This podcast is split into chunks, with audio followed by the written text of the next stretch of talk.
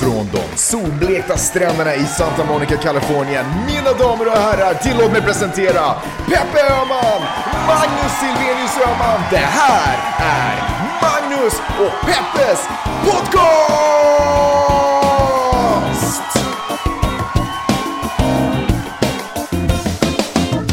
Det stämmer internet och ni ska känna er otroligt välkomna till vår show. Varför är det alltid töntigt att säga någonting är en show? För showar är, showar är Ja, så... det är så mycket spektakel och... Ja, det är sant. Konfetti, det har vi ju inte. Jag har ju inte ens fått en kopp kaffe. Det är ju sämsta showen någonsin. konfetti... Ja, konfetti... Vadå? Nej, vi måste här från början. Vadå? Jag tappar bort mig. Vad- Vadå tappa bort det? Jag Vi har ju inte ens sagt någonting. Jag ska säga något roligt om konfetti och jag bort det. Och då måste vi ta om hela starten på sändningen. Äh, skit i det. Nu kör vi bara. Det här, mina damer och herrar, är en Jag vill fantastisk... säga något om konfetti först. Ja, men säg någonting om konfetti då. Jag har en kompis som mycket länge trodde att konfetti var mycket fin liten konfekt. Konfekti, liksom. För att man skulle bli ännu gladare om det skulle regna mycket fin konfekt över Ja, en. gulligt. Alltså nu när du säger att det här är en kompis, så nu förstår jag att det var där du snubblade på. Det är alltså din syster. Var det Var det hon? Vi behöver inte tala om det. Eller var det din mamma? Vi Det är, behöver någon, det är någon jättenära dig, jag ser det på dig, eller hur?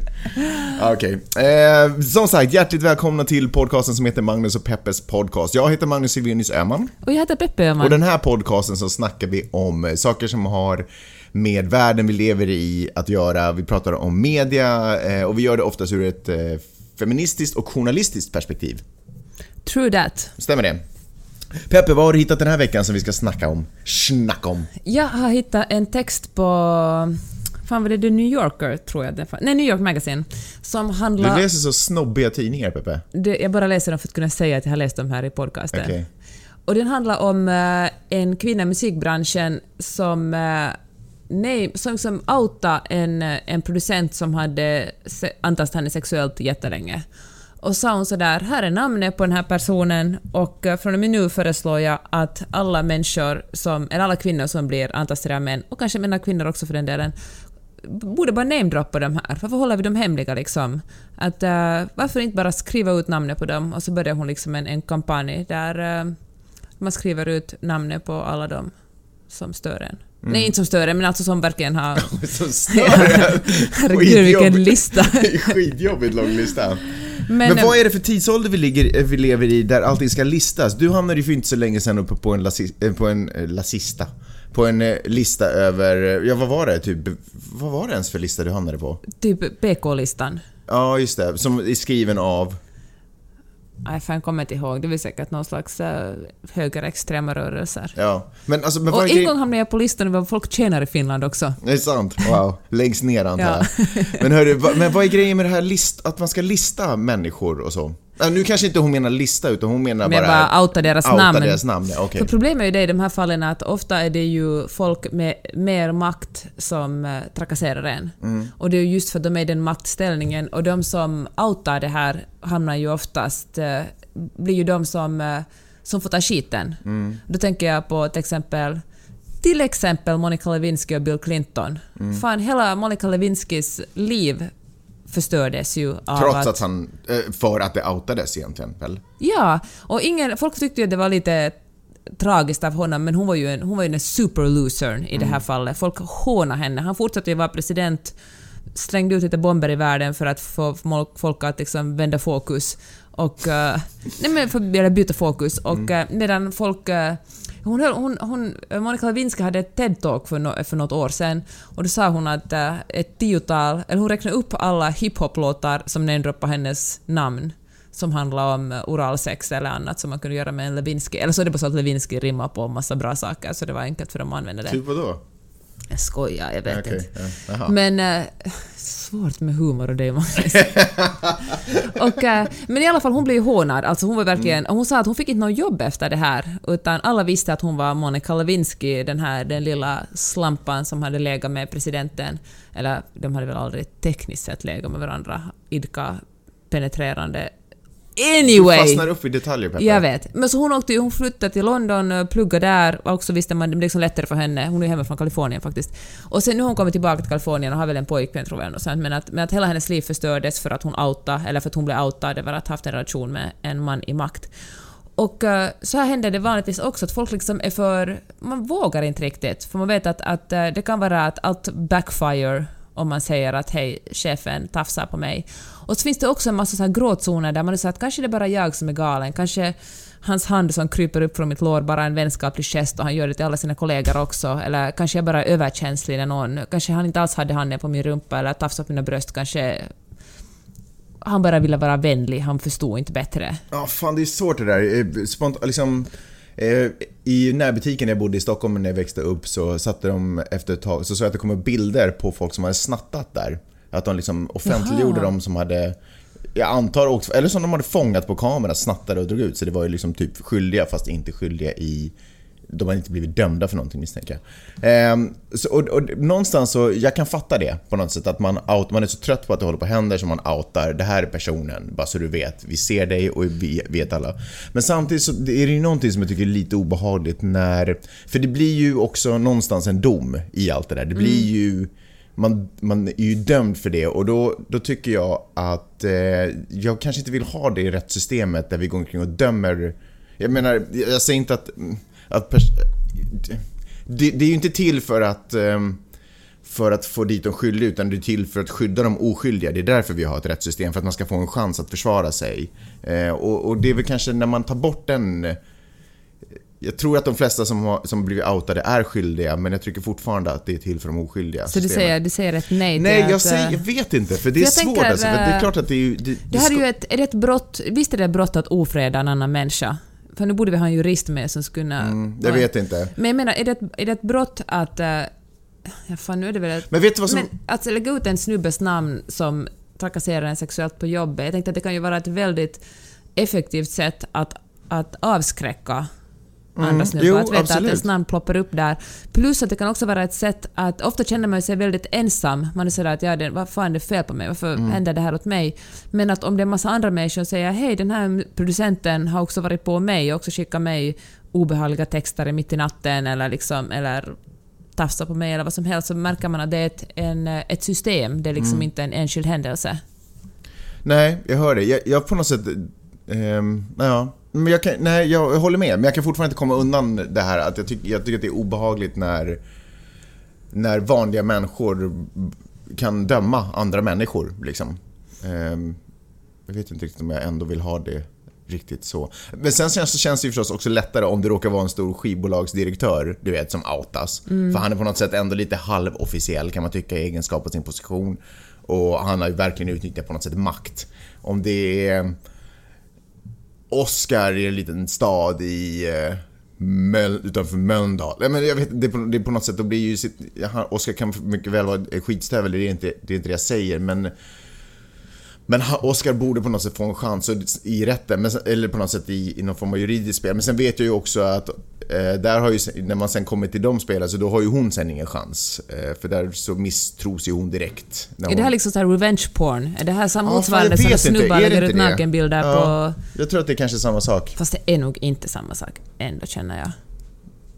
Ja, eller är det? Jag vet inte. Men En- de är besläktade i alla fall tycker jag. En sak som anknyter till det här som... Jag tycker att det är tragiskt att vi lever i ett samhälle där man ens måste sitta och fundera på om sådana här saker är okej eller inte. För det, det känns så desperat någonstans också. Det är ju inte... Du menar att vi inte har ett rättssystem? Det finns inget skydd för Vi- kvinnorna som nej, utsätts för det här, exakt. därför är de tvungna att ta, liksom, eh, ta För- saken i egna händer. Det exakt det, för sam, samtidigt som jag argumenterar för att jag vill ju på något sätt att den, det är den oskyldiga som ska skyddas på något sätt i rättssystemet. Så är det ju, i de flesta fallen så är det ju kvinnorna som har blivit oskyldigt antastade, men som inte skyddas. Du menar att de inte provocerar? Ja, nej, exakt. Eh, Förutom kanske med sexig klädsel. Ja, jag skojar ja. bara. Nej men de, de är ju liksom, eh, de skyddas ju inte i det här rättssystemet och därför förstår jag att, Ja, att vi nu ens sitter och pratar om det här. Men det är, det är deppigt, men jag tycker ändå inte att två fel gör kanske inte ett rätt.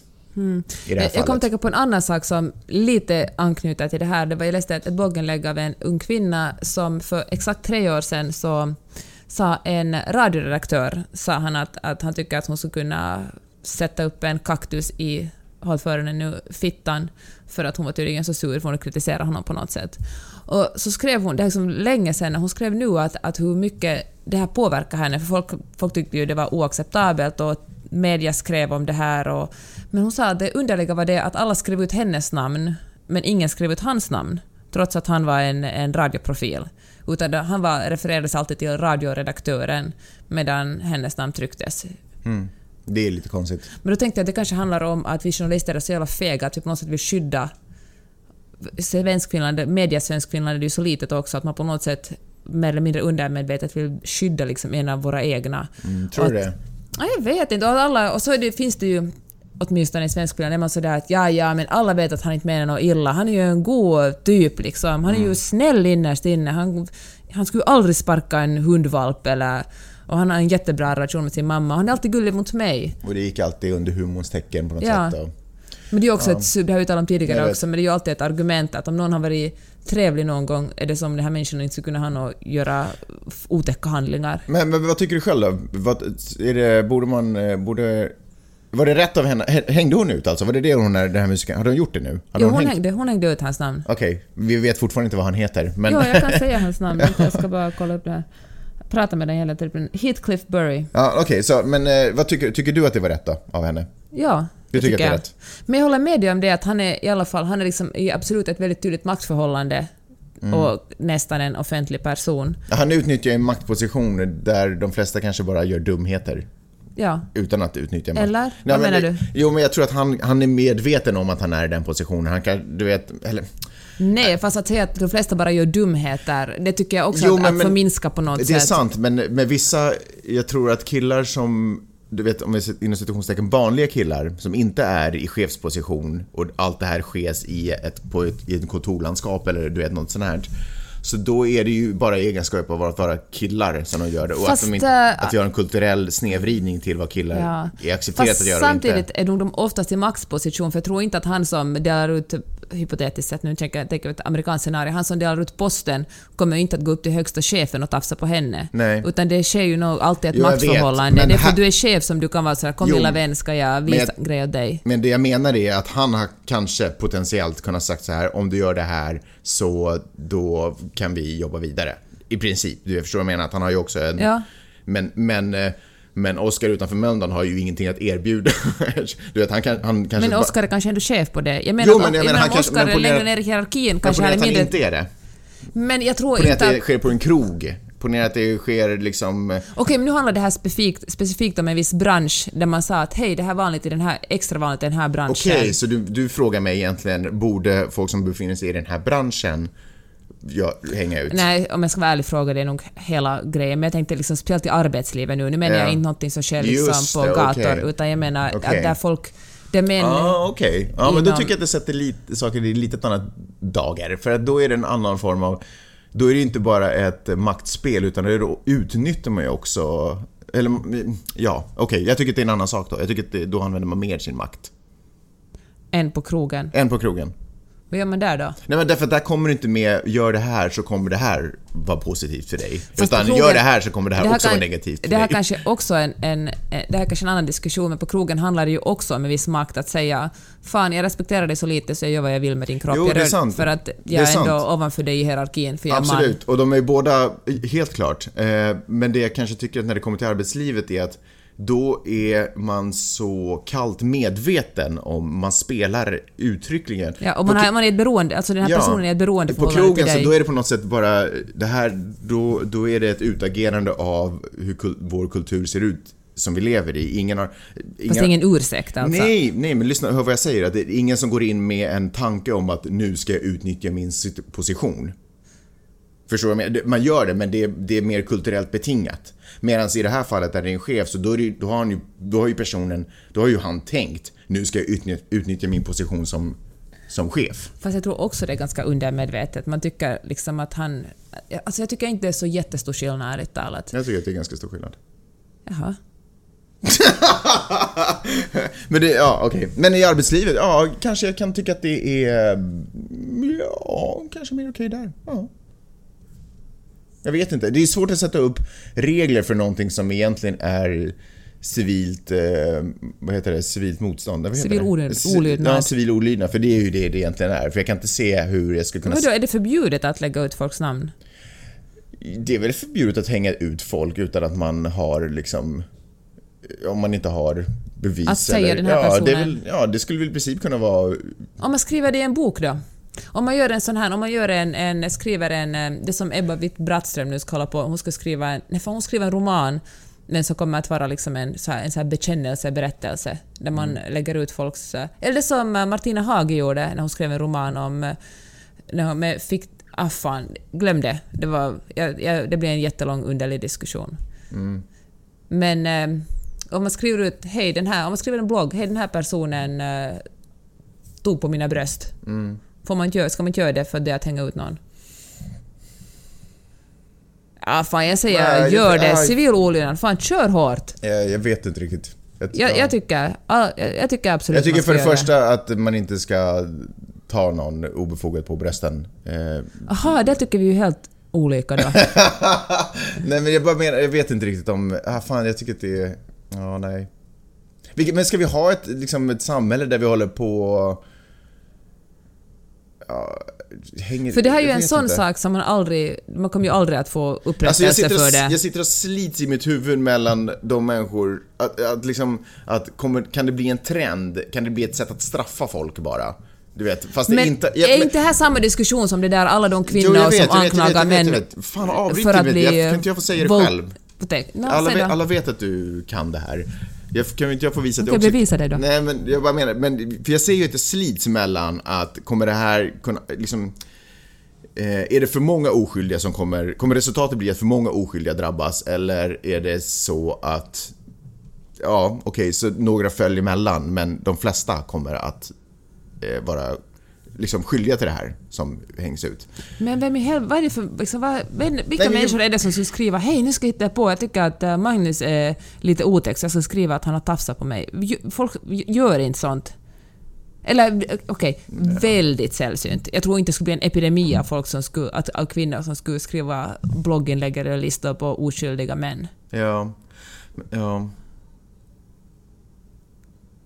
Ja, men tänk, ja, men tänk om, ja. Du måste säga något annat ja än ja. Mm. Alltså jag ser hur din hjärna arbetar. Ja, men jag försöker så här spela upp scenarier, jag försöker tänka liksom, men ja, kanske det inte är... Men tänk om det är ett... ehm, ett... eh, en pojke och en flicka. I 18... Okej, en man och en kvinna, men jag menar en yngre man och en yngre kvinna. Som är, befinner sig i en jobbsituation och... Så kanske, han- kanske tänkte att de flörtade, men de gjorde aldrig Hon tyckte inte det, men han uppfattade inte, eller liksom, han fattade inte, eller... Tänk om det var missförstånd någonstans. Tänk om, tänk om han aldrig hade gjort ett eh, närmande där han vänligt satte handen på svanken. Eh, om, om han inte... Jag förstår att liksom... Jag bara menar att det finns så många vanliga situationer också. Vad hemskt och sen dagen efter. Och du vet, hon vågar inte säga utan det enda hon tänkte var okej, det här ska jag sätta på bloggen för där vågar jag vara kax. Du vet hur kaxiga, tuffa folk vågar vara på internet. Men sen när man möter dem i verkligheten så då sitter de och stammar och möter, möter inte ens blicken. Så jag bara menar, tänk om och sen dagen efter så läser han på blogg, och du vet, eller på Facebook och så är det massa jobbiga kommentarer. Men du vet, Men då har han kanske sådär, hmm, jag kanske inte borde ha satt min hand på hennes svank. ja, men tänk om det inte var det hennes- första han gjorde. Tänk om det var efter månader, ett, sex månader av liksom flört och häng och hon har tyckt att det var jobbigt hela tiden men har inte velat säga någonting. Alltså, fan, jag vet inte. Jag bara tänker att, Mm. vad fan. Jag vet inte om vi kan liksom... Ja. Det är ett, jag vet inte, det känns som att jag bara konstruerar ett, liksom ett specifikt fall. Men jag tycker, inte att, jag tycker inte om att vi lever i ett samhälle där vi löser konflikter på det sättet. Men om det, om det här är liksom inget pro nytt problem och det är ett problem som existerar hela tiden, överallt, och det finns inget sätt, hur ska man råda bot på det? Jag tycker, alltså jag menar i det här fallet, just hennes spe specifika fall, skivbolagschef, hon är, försöker vara en upcoming artist, eller hon kanske till och med är superframgångsrik, jag vet inte. Där, jag kan inte tycka att det är ett stort problem. Jag tycker man, kanske man får känna av det där själv. Men jag skulle inte vilja på något sätt ge mitt godkännande till att det här är ett accepterat sätt i samhället att vi gör. I så fall får man ägna sig åt civil olydnad och göra sin bedömning själv utifrån det fallet, den situationen man själv befinner sig i. Om man upplever sig så desperat och man inte får hjälp eller stöd någonstans ifrån, kanske det är den sista utvägen för att få någon form av upprättelse. Jag vet inte. Men jag, kan inte, jag tycker inte att jag kan sätta, sitta här i ett generellt, ja det här är the way to go. Du kommer att bedöma de här fallen från, från, Nej, det från inte, blogginlägg nej, men jag tror att civil olydnad just handlar om att ingen, man bryr sig inte om vad andra tycker och tänker. Att det är inte upp till någon annan att bedöma om det var rätt eller fel, utan det är någonting man upplever att man måste göra. Måste man så måste man, tänker Så är det, så tänker jag. Okej. Eh, kan vi det här? lite besläktat på det temat skulle jag vilja ta upp en annan grej. Det är nämligen så att EU har kommit ut med en ny förordning, eller ju sa jag som om jag har länge känt till det här, följt utvecklingen noggrant. Jag läste det faktiskt nyligen i, i DN och då är det alltså så att EU har kommit ut med en ny förordning som säger att det ska vara 16-årsgräns med möjlighet att gå ner till 13-årsgräns på att använda sociala medier. Spontant Peppe. Du är ju en sociala medier queen-ish. Ja. Vadå ish? Högre prinsessa. Visst är jag också som grader på prinsessa? Det gör det. Kronprinsessor och vanliga prinsessor. Jaha, så man Eller är bara en vanlig... Ja, du kan ju det här för du kommer ju från en monarki. Jesus, Förlåt, jag är bara en... Vi har ett annat statsskick i en mitt fosterland. Anyway, um, alltså det känns ju lite naivt med tanke på att hemskt många barn lever hela sina liv, har vuxit upp med sociala medier. Och när jag säger barn menar jag liksom yngre till och med än 13-åringar. Mm. Samtidigt handlar det här väl i grund och botten om någon slags eh, datalagring. Ja, fan, det vet jag vet inte. Jag har ingen aning. Att hur mycket, vad, hur bra koll har barnen på vad man lagrar för, Ja. liksom vad de ger för information och vem som lagrar det, den informationen. Och när man är minderårig kanske, eller väldigt ung, så kanske det inte är Nej, så det bra. handlar, oavsett så handlar det väl om att skydda barnen från ditten eller Ja. datten och sig själva och andra. Sen kan jag ju tänka så här att, att eh, för många barn är säkert sociala medier folks barn som hade svårt Men eller barn... 13 år? 13 år? Det är ju ingen ålder. Vad har man hunnit, vadå? Ja, fine, man har vuxit upp i en värld där sociala medier existerar. Men man har inte till det dagen vuxit upp med någonting egentligen. Man har inte liksom... Allt det här har ju bara funnits, eventuellt tillgängligt eller inte tillgängligt. Och vad har på riktigt, vad har en 13-åring på sociala medier att, att göra? Men jag tänker så här, sig? nej men tänk om man, är, om man kanske inte har så mycket, får så mycket stöd från sina föräldrar, om man liksom, att sociala medier är ett sätt att få stöd från, kanske inte från andra människor. Att det, eller om man är väldigt ensam, att man liksom är någon slags, att ens enda vänner är vänner på sociala medier. Oh, det vet också. Ja, fan det är ju sånt. Du tycker bara att alla ska vara ute och leka med kottar och tändstickor. Mm. Eller inte tändstickor, men kanske pinnar. Fler, fler borde vara ute och leka Fler med barn borde vara tändstickor ute och leka i med tändstickor. skogen, så som vi gjorde. det tycker jag låter superbra. Ja, fan när du drar upp det ur det där perspektivet, kan man inte... Ja, rätt. Men generellt sett så tycker jag att 13 år... Om vi bortser från allt jag sa just, Ja. så tycker du... Jo, nej men det är klart, när, om människor om mår dåligt, det är ju inte så bra. Och om, ja, nej, men jag tycker, ja, det kan ju inte vara majoriteten av alla 13-åringar, tänker jag, eller hoppas jag. Så därför så tycker jag kanske ändå att 13 år, för jag menar efter 13 år får de ju börja använda alltså. Sen känner jag att det kanske är lite gammaldags också att tycka att sociala medier är så ondskefullt. Fast jag tänker så här, undrar om det var sådär man tyckte också på 40-50-talet när det kom till cigaretter. Att det liksom... Eller det kom till, till TV. Ja, TV eller radio då när det kom ut, när det nu kom ut. Du vet. Kanske till och med elektricitet en gång i tiden. Jag tycker att det finns anledning att skydda barn. Det är inte helt, det är inte okej saker som för sig går på eh, sociala medier alltid. Fast det är inte bättre att kunna lära sig navigera där. Mm, men eh, ska, man, alltså det är ju som att kasta ut barnet Det finns ju ingen vuxen än så länge som kan lära barnen att navigera där. Så det blir som att kasta ut barnet Ah, till det handlar vargen. bara om föräldralösa barn alltså. Nej, men, men vuxna har ju ingen koll på sociala medier. Vi kanske, men vi har ju inga 13-åriga barn. Men, men alltså, det är ju hemskt få vuxna som har vuxit upp och har den naturliga känslan för sociala medier och vad, hur det funkar. Och då så ska det bibehållas så att barnen inte heller förrän i sen ålder Nej, men lär sig. alltså, de är fortfarande, de hinner ju... ah, Men kom igen. Ty- Förlåt, så- jag är sarkastisk i den här tycker att- podcasten. Allt jag säger är alltså Ja, är sarkastiskt. vill jag ska. Jag tycker om att ditt rätta jag kommer äntligen fram så folk får höra hur jävla otrevlig du är. Så, så du tycker att det finns inga problem med alls? Ja, ja absolut. Ehm, nej, jag... Alltså, nej, visst tycker jag att det, det kan finnas problem. Det finns, ju pro, det finns ju problem med allt här i livet, Magnus. kom igen nu, konkretisera lite.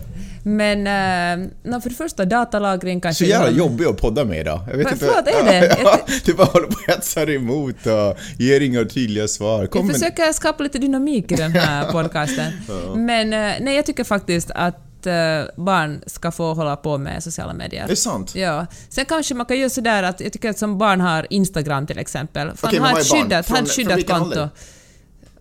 Vad vet jag? Jag vet ingenting om barn. Sant. Men alltså från... Man säger att ha ett in- Vidare smärtsamt medveten om det.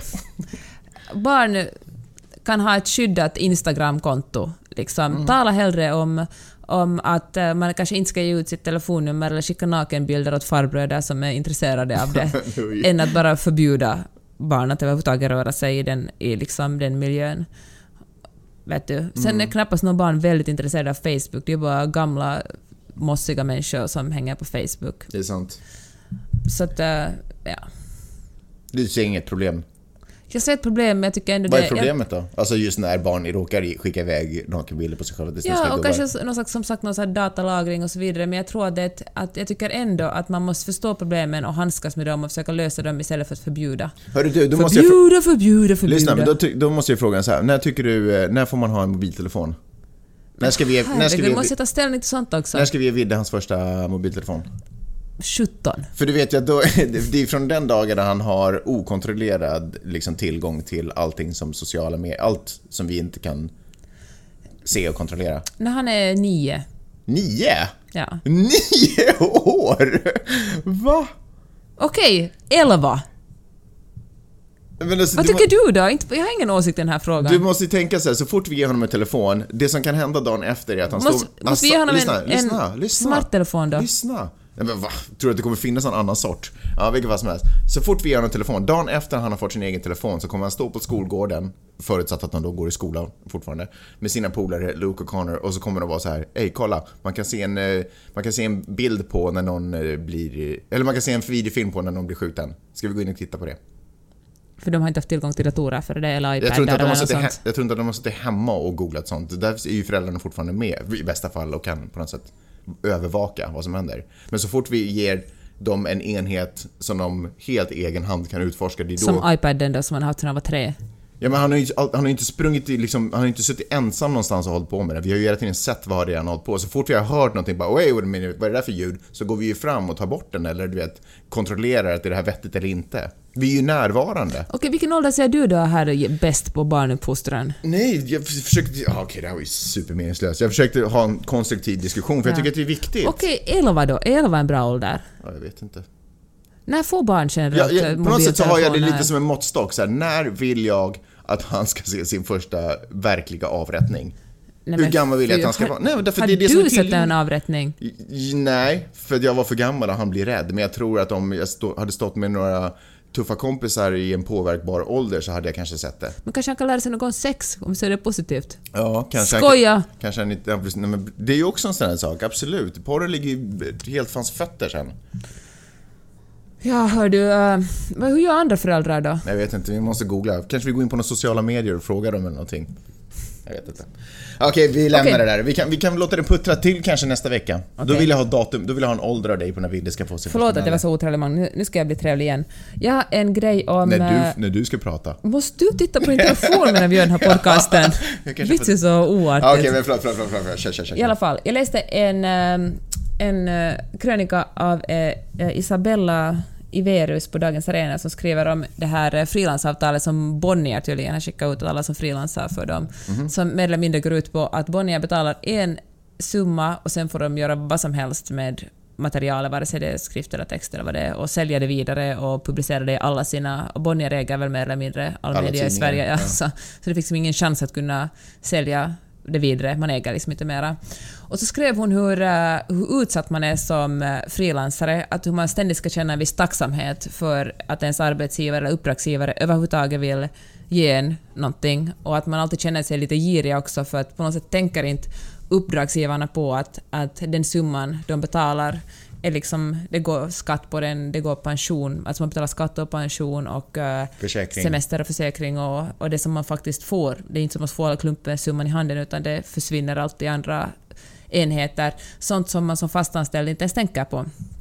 Och, eh, och när jag läste den här, alltså höll jag med om allt, hon, hon avslutade med att säga att hon tänker inte skriva under det här jävla slavkontraktet.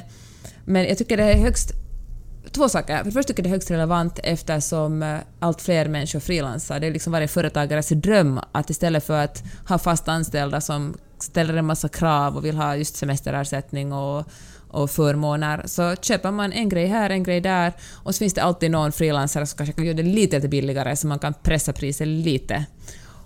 Och eftersom det här blir allt vanligare så det här, kommer det här bli ett liksom allt större problem för allt fler människor. LA Times hade också en, en text om det här som egentligen handlar om, om... Jag tror, får jag bara flika in? För jag tror att man kan sälja det lite billigare om man inte har någon heller någon... Man känner att man inte kan prioritera stoltheten i det man gör. Och då tror jag inte man kan vara li, riktigt lika bra heller. Nej. Nej. Eller, eller om man känner, samtidigt om man säljer lite billigare måste man antagligen sälja fler grejer och då kanske man inte har samma tid att sätta ner på de här. Det, såklart. Plus att eh, jag tycker det rent journalistiskt blir ett problem om allt fler frilansare levererar grejerna för att man har ju inte samma... Som sagt har man ju inte möjlighet att, att forska eller göra liksom undersökande journalistik för någonting som de betalar 200 euro för, eller kanske högst 300. Man liksom kan inte sätta ner en vecka på att liksom jaga människor och sitta och läsa på och skriva och ha sig, för att man har helt enkelt inte råd med det. Men LA Times skrev om en annan, det handlar inte specifikt om journalister, utan det handlar om Amazon använder sig tydligen av en massa koder som sitter i eh, Indien, och över, eller över hela världen egentligen, men det, det var som ett specifikt case använde de en, en indisk snubbe, som fick supermycket uppdrag. Han får liksom koda en liten grej, får han betalt för just den, och det gick så bra för honom så han kunde liksom anställa, han i sin tur kunde anställa människor som jobbar för honom, som han liksom levererar till Amazon. Och sen en dag så var Amazon sådär att nej tack, nu behöver vi inte mera stängde av och så led en hel by av det här. Plötsligt hade ingen inkomst i den här byn, för det finns ingen säkerhet. Alltså en, en, ens uppdragsgivare kan bara säga från en dag till en annan hej då, tack så mycket. Och då tänkte jag personligen på det här som frilansare, jag har visserligen ett kontrakt med KSF Media, men som frilansare åt olika håll, hur jag ständigt känner att jag kan ställa några krav och jag måste vara lite tacksam hela tiden för att, eh, för att de tar in mina texter. texter. Och liksom, folk är så jävla dåliga, ingen ger någon feedback någonsin. Ingen säger sådär ”Hej, bra, det här var superbra, men skulle du kunna skriva mer åt det här hållet? Eller ens så här, hej tack, jag fick din faktura. I och för sig gör damerna på KSF Media det. Men det är så otroligt vanligt att mm. folk betalar sent sina fakturor, eller så måste jag mejla och påminna dem, och de liksom kuitar aldrig. Hej. Kvitterar aldrig. Kvitterar aldrig. Utan det, det bara, allt jag, allt jag skickar in bara försvinner ut och sen dyker det kanske upp ibland i en tidning, eller, som, eller i bästa fall som lite pengar på mitt konto. Men det finns liksom någon slags fan, och jag fattar, folk är upptagna. Alltså alla har jättemycket att göra, men eh, hör, liksom, det tycker jag ändå hör lite till arbetet att man säger hej, tack för din grej, jag har tagit emot Eller den. Eller god ton bara. Ja. Du vet, om man får en present eller om man får någonting av någon ja. annan så tar man emot och så säger man tack. Men samtidigt känner jag så här, okej okay, jag har haft en jättebra fast tjänst på liksom, som journalist, vilket ju ytterst sällsynt i dessa dagar, och jag har valt att säga tack men nej tack, jag flyttar till LA och försöker hanka mig fram här, istället, hanka mig fram här istället.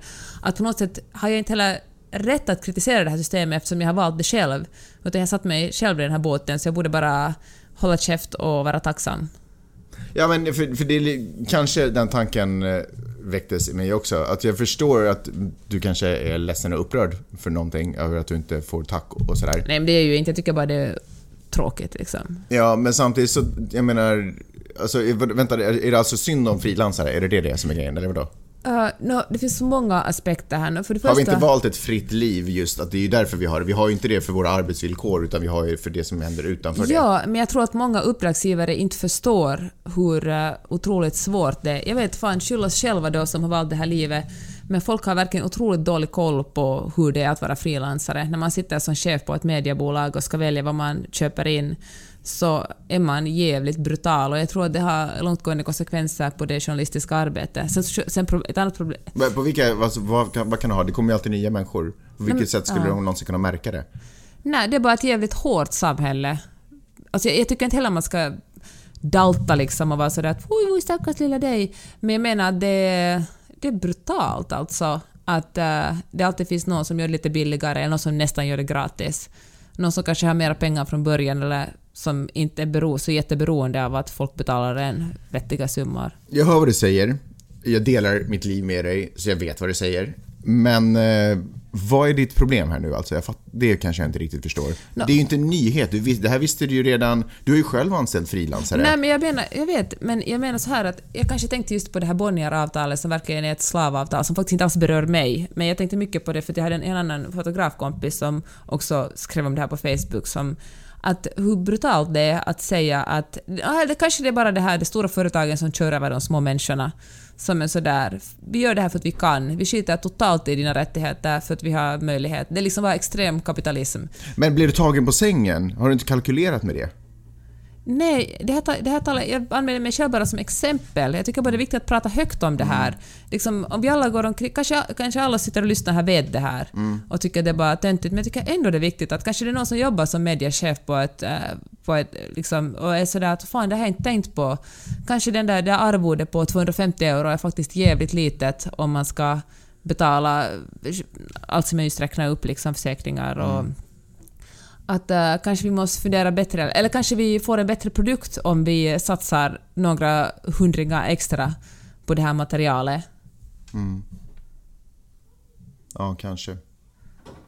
Och sen tänker jag att det här, som sagt, då tror jag att det är viktigt att prata om det här för att eftersom eh, de flesta mediehus gör sig av med journalister så finns det allt fler frilansare. Konkurrensen blir såklart hårdare. Det finns kanske lite mera resurser för det är såklart billigare att köpa in grejer än att ha folk anställda. Men eh, jag tror att det här är någonting, ett, ett problem som allt fler kommer att... Eh, eller det kommer att finnas allt fler människor i den här situationen. Mm. Men... Ja, men kanske min poäng är det här, kan man som frilansare sätta några krav överhuvudtaget? Eller ska man bara hålla käft och vara och eh, uh, vara tacksam så länge någon köper ens texter. Ja, jag vet inte. Men alltså, och jag har inte... Ja, kanske det var lite så i Sverige också förresten när jag jobbade för där för länge sedan. Uh, men uh, i den finska journalistiska företagskulturen, alltså jag snackar YLE och KSF Media. Det finns ju också HSS Media. Ja, men de har jag ingen erfarenhet av. Mm. Så, och egentligen ingen av KSF Media och annat än genom vad jag hört av dig. Men vilket fall som helst, så där, där känns det ju också som att där är det ju faktiskt inte alltid guld och gröna skogar när man jobbar innanför företagets väggar heller. Eh, det var ju jättemånga som gärna mellanrum var osäkra för, för folk går ju på kontrakt där också och sådär. För det är ju bara den lilla klumpen fastanställda som... Fast du talar ju om fastanställda. Kontrakt är man ju också i en ganska obehaglig mm. situation. Speciellt om man har Yle har väl blivit kritiserad för det och KCF Media för det också, att man har sådär sex månaders kontrakt plus fyra månaders kontrakt plus eh, att man liksom bollas omkring utan att någon ger en en fast anställning. Ja, men nu har ju fastanställda också fått gå för det har varit omstruktureringar eller så har de inte blivit befordrade till den position de tänkte att de skulle bli och så blir de ledsna och deppiga. Och, Vad har alltså, det, det med finns... saken att göra? Jag bara menar, nej, nej, det jag skulle komma till var att om, om det liksom är lite kaotiskt och inte så flyter inte så, så smärtfritt innanför bolaget. Så då är vi som frilansare utanför bolaget den lägsta prioriteringen. Förstår du vad jag menar? Att om, om ett företag är fullt, upp, fullt upptagen med att på något sätt damma, städa hemma så folk som står och knackar på dörren har ju ganska låg prioritet med det. Så det är inte så konstigt att det är på det här sättet. Så du gav mig en förklaring? Jag gav, ja. ja okay. Du hade inte behövt det? Eller? N nej, men jag vet inte om det är relevant liksom. Ja, men jag tänkte att du sa det här i hopp om att det skulle ske en förändring. Men jag bara säger att jag tror inte att det sker en förändring. Jag tror att vi fri, man måste vara frilansare därför att det finns så mycket annat man får ut av det. Ja, alltså jag säger absolut inte att jag skulle gå tillbaka och få en fast anställning. Nej. Det vill jag verkligen inte. Men jag tycker ändå att... Eh, eller kanske min fråga är här, ska man vara som frilansare se sig själv som en slav, att man har verkligen inga rättigheter. Du har friheten som visserligen inte slavar har. Fast du har ju alla men... rättigheter. Alltså ja, fine, man, vi, som journalister kanske vi inte får supermycket betalt. Men vi har ju samtidigt rätt att vi, vi, har ju möjlighet att leva våra liv liksom. Det har du ju inte som fast anställd. Då måste du ju följa eh, ordningen liksom. Annars så har du, ska du inte vara på det företaget förstås. Så det är ju därför man är frilansare. Därför att ena dagen så kan man skriva en artikel, andra dagen kan man göra en radiointervju, tredje dagen kan man eh, men alltså, jobba med någon annan produktion. Ja, ja, men jag menar inte liksom att jämföra fastanställning med hur det är att vara fastanställd jämfört med att vara, hur det är att vara frilansare. Men jag menar bara, tycker du att man som frilansare har någon slags, kan man ställa någon slags krav på sina uppdragsgivare eller ska man bara tacka och ta emot och huka sig? Man kan inte ställa krav överhuvudtaget som företagare på att en kund, man kan inte bli sur för att en kund inte köper. Det, man får ju, då får man försöka hitta sin nisch så att det funkar. Man är väl kanske lite dum om man fortsätter göra saker och ett, ett samma ställe som inte betalar en för en. Fast, alltså någonstans, jag, tänkte på det här som snackade om den här indiska byn. Jag, jag, förstår ju, det här är ju, kapital, det här, det här är ju kapitalismen, så här funkar det ju liksom. Om det finns behov av en eh, vara, så då köper man den. Om det inte finns behov av en vara så köper man inte. Man kan inte ta det personligt och för, förvänta sig att man ska ha rätt att få igenom vissa idéer eller rätt att få en viss sorts betalning för du vet om folk, det här går ju åt båda hållen. okej, Vi är så- bara då, dåliga att spela det Så mot företagen. Journalistförbundet som rekommenderar att så här mycket borde man få betalt, vad, har de, det är inte helt onödigt att de existerar? Ja, det är, på sätt och vis är det faktiskt lite det. För det jag menar, de sätter det är väl de som tillsammans med... Jag vet inte, är det de som sätter tarifferna tillsammans med Yle till exempel för hur mycket de betalar för... Ja, vilket fall som helst. Allt det där är ju ganska irrelevant liksom. Det är ju fortfarande bara, har du en bra produkt och har de ett bra pris? Kan ni mötas? Grymt. Men finns, det- eh, finns faktiskt en sån här renodlad... Är det liksom renord... Nu finns det ju regler hur liksom man får... Hur man får eh, In, för ja, som anställd ja. ja. Men du är ju din egen anställda. Så, du, så det, här, det finns inte regler för hur mycket en kund måste betala för en produkt som du har. Det kan finnas en, finnas en, en standard och en rekommendation, men det finns inga regler. Det gör det inte. För nu önskar jag att det skulle vara någon som skulle vara bättre än jag att argumentera för det här. Kan inte ni som, har, som eh, kan formulera, mejla in och komma med några bra argument till varför frilansare ska kunna...